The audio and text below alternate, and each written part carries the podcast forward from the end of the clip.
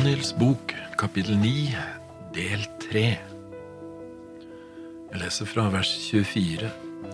70 uker er tilmålt ditt folk og din hellige stad, til å innelukke frafallet, til å forsegle synder, og til å dekke over misgjerning, til å føre fram en evig rettferdighet, og til å besegle syn og profet, og til å salve et aller helligste. Det var mange ting 70 uker, begynte han, er tilmålt ditt folk. Ordet tilmålt er oversatt fra shatak og betyr det å dele, skille fra eller fordele. Og hva er det delt fra eller skilt ut fra? Det er ikke så mange muligheter. Det må jo være de 2318 om morgenen i kapittel 8. Gabriel var kommet for å lære han forstå det som Daniel ikke forsto.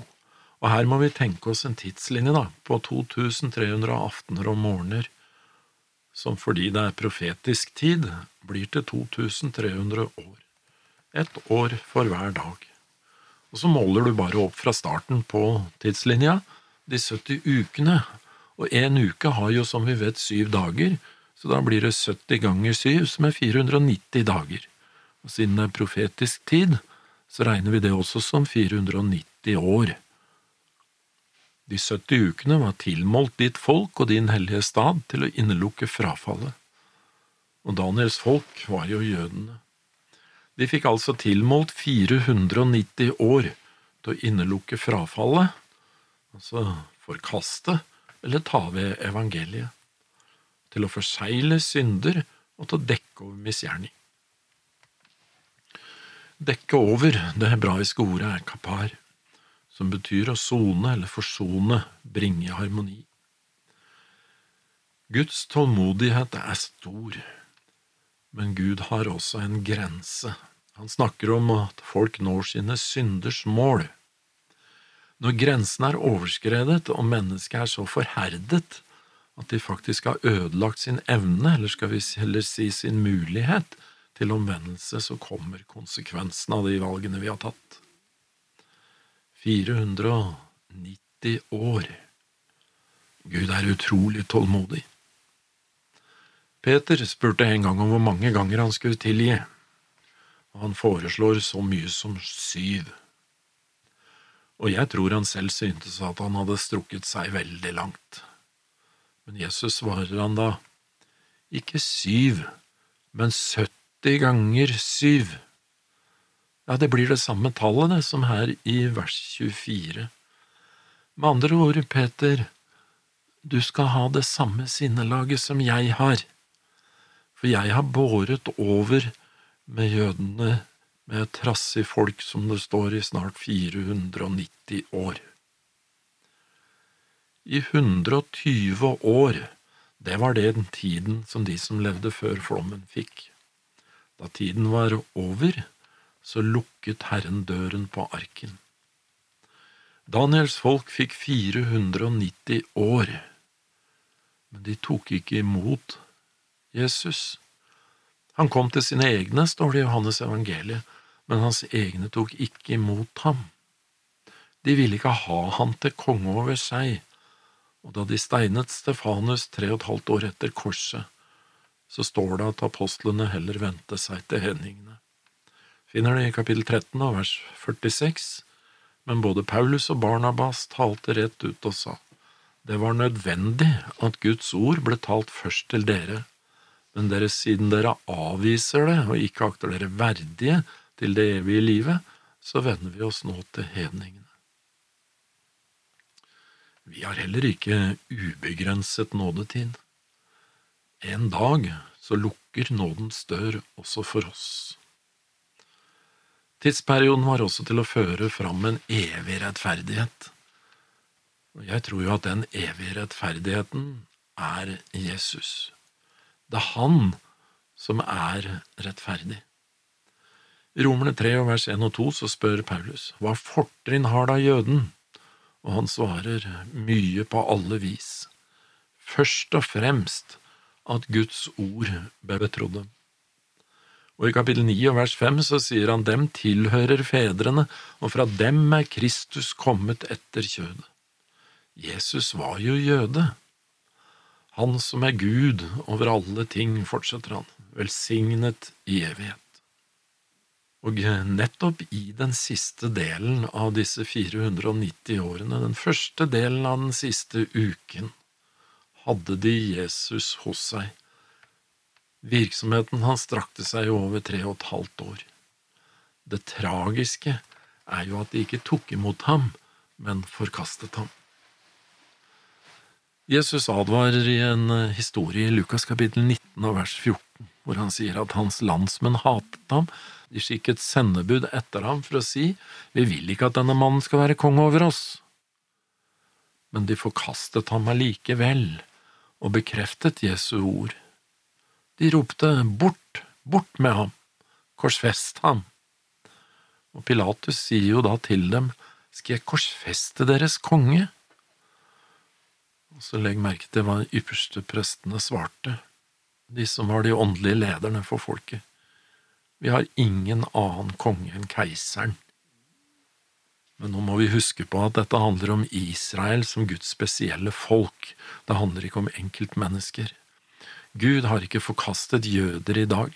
De har den samme mulighet som deg og meg til å bli frelst.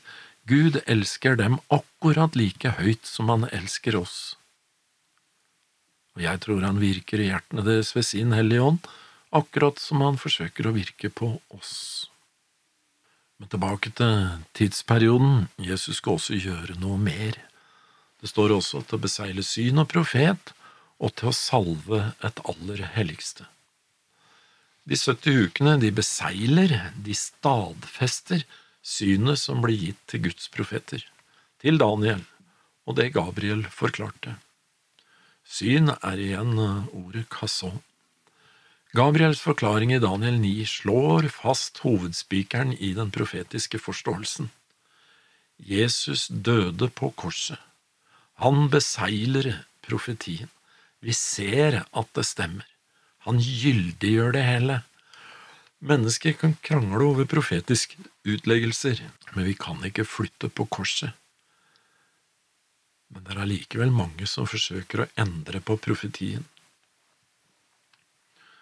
Det skulle ikke bare besegle syn, men også profet. Det er jo alt som er forutsagt om Jesus i Det gamle testamentet. Dere søker Skriftene, sier Jesus, fordi dere tror dere har evig liv i dem, men nettopp de vitner om meg. Og det inkluderer jo alle bildene som ligger i helligdomstjenesten. Det var Jesus som var oppfyllelsen. Men hva vil det si å salve et aller helligste? Hvor gikk Jesus etter at han dro tilbake til himmelen, og hva gjør han i dag? Han gikk innenfor, bak forhenget, akkurat slik som vi leser det i Hebreerne kapittel 6 og vers 19 og 20. Dette har vi som et anker for sjelen, et som er trygt og fast og når inn til det som er innenfor bak forhenget, der Jesus gikk inn som forløper for oss, han som ble yppersteprest i evig tid etter Melkisedeks vis. Jesus tok opp tjenesten som vår ypperste prest, ikke den jordiske helligdommen, men i den himmelske helligdommen. Han gikk innenfor bak forhenget. Uttrykket innenfor bak forhenget er brukt kun fire steder i Gamle testamentet. Og skal du finne ordene, så må du nesten bruke Septuaginta-oversettelsen, altså den greske oversettelsen. For den hebreerbrevet er jo også skrevet på gresk, som hele Nye testamentet er.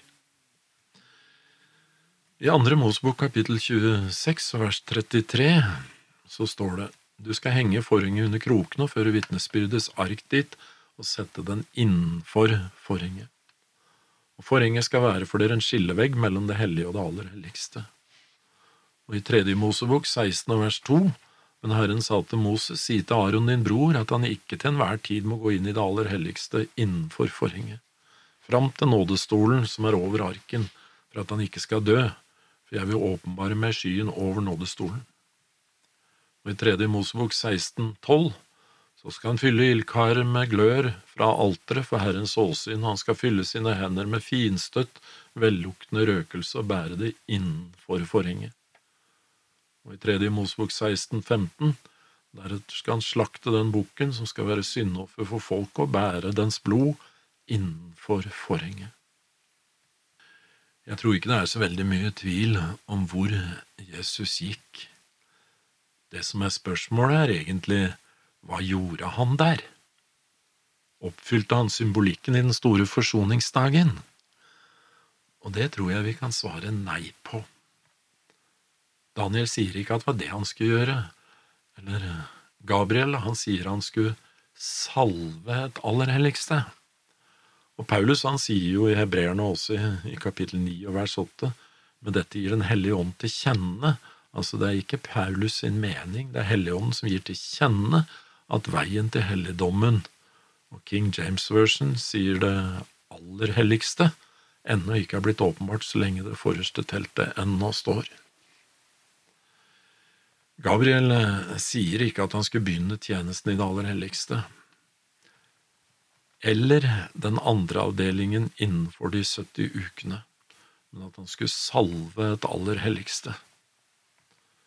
Aller helligste grunntekstordet er kodesh. Han snakker ikke om tjenesten der, men om innvielsen av helligdommen etter at Jesus reiste til himmelen. Da telthelligdommen ble innvidd eller salvet, gikk Moses inn i hele telthelligdommen, både den første og den andre avdelingen. Det var jo Aron som var prest. I helligdomstjenesten ble det brukt to forskjellige bukker. I den norske bibeloversettelsen mister vi et poeng. Igjen må vi til gresk septuaginta-oversettelse. Navnet på bukkene på gresk er Tragos og Himaros. I tredje Mosebok 16,5 så leser vi Av Israels barns menighet skal han få to geitebukker, og i Septuagintas er det Himaros som er ordet, til syndoffer og enhver til brennoffer. Han skal kaste lodd om de to geitebukkene, Himaros, et lodd for Herren og et lodd for den bukken som skal sendes bort.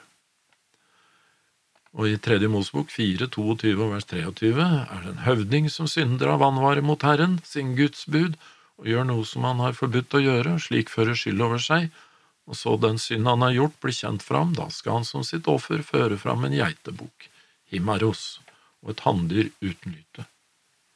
Så himarosbukken er den bukken som er mest kjent og brukt. Tragos-bukken den finner vi omtalt i Fjerde Mosebok kapittel 7 vers 17 og 88. Det som omtales der, er en innvielse av tempelet. Moses går her inn i det aller helligste, ikke for å gjøre soningsdagens tjeneste. Det var ikke på den store soningsdagen, det var innvielsesdagen av tempelet. I tredje Mosebok 16,2 så står det Herren sa til Moses, si til din bror Aron at han ikke til hvilken som helst tid skal gå innenfor forhenget i helligdommen, fram til soningsstedet som er lokket på paktkisten, for da må han dø, for jeg viser meg skyen over soningsstedet. Og i tredje Mosebok 16,33 og 34 å gjøre soning for det aller helligste, han skal gjøre soning for telthelligdommen og alteret, for prestene og hele folket som er samlet dette skal være en evig forskrift for dere, én gang om året skal de gjøre soning for israelittenes synder. Det som eh, Herren hadde befalt Moses, ble utført. Så i Hebreerne kapittel 9, vers 3 og vers 6–7, men bak det andre forhenget var det telt som ble kalt for det aller helligste. Da nå dette er slik innrettet, går prestene alltid inn i det forreste teltet når de utfører sin tjeneste men i det andre teltet går bare ypperstepresten inn en gang om året, og da ikke uten blod, som han bærer fram for seg selv og for folkets forseelser. Så var det innvielse eller forsoningsdag. Hebreerne kapittel 6 og vers 19 og 20 Dette har vi som et anker for sjel, et som er trygt og fast og når inn til det som er innenfor bak forhenget, der Jesus gikk inn som forløper for oss, han som ble yppersteprest til evig tid etter Melkisedeks vis. Hva gjorde han der? Gikk han inn for å innvie? I kapittel 9, vers 11 og 12 så står det, men da Jesus Kristus kom som ypperste prest For de goder som skulle komme, gikk han gjennom det telt som er større og mer fullkomment, og som ikke er gjort med hender. Det vil si, som ikke er av denne skapningen, ikke med blod av bukker, tragos og kalver, men med sitt eget blod gikk han inn i helligdommen en gang for alle og fant en evig forløsning. Så fra vers 18. Derfor ble heller ikke den første pakt innviet, altså salvet, uten blod, for da Moses hadde kunngjort for hele folket alle budene som står i loven, tok han blodet av kalvene og bukkene, er det brukt tragos, sammen med vann skal lagens ruille og isop, og stenket både på selve boken og på folket, og sa, Dette er paktens blod, den pakt som Gud har opprettet for dere. På samme måte stenkte han også blodet på teltet og på alle kar som blir brukt ved gudstjenesten. Nå, i Hebreerne kapittel 9 og vers 1 så står det nå hadde jo også den første pakt sine forskrifter for gudstjenesten, og den hadde sin jordiske helligdom. Den første pakt sine forskrifter, en jordisk helligdom, innviet med blod og bukker, tragos av Moses. Så har du i Nytestamentet, Hebreerne 10 vers 19 og 20, Brødre, til den har vi altså i Jesu blod frimodighet å gå inn i helligdommen. Til den har han innviet, altså salvet for oss, en ny og levende vei gjennom forhenget, det er hans kjød. Paulus siterer fra Septuaginta-oversettelsen. Ut fra dette så kan vi trekke den konklusjonen at Jesus gikk inn i helligdommen i himmelen, helt inn i det aller helligste, for å salve eller for å innvie helligdommen. Han startet ikke den store soningsdagens tjeneste. Det skulle skje i løpet av de 70 ukene, men tjenesten, den store forsoningsdagens tjeneste, rensingen av tempelet, skulle først skje ved slutten av de 2318 om morgenene. Noe som indikerer det, det er jo det som vi leste tidligere fra Hebreerne 9,8. Med dette gir Den hellige ånd til kjenne at veien til helligdommen ikke ennå er blitt åpenbart, så lenge det forreste teltet ennå står. Vers 25 begynner med at Gabriel sier, Du skal vite og forstå. Så da tenker jeg at han vil forklare det på en så enkel og grei måte at det er mulig å forstå det han sier. Men det skal vi se på neste gang.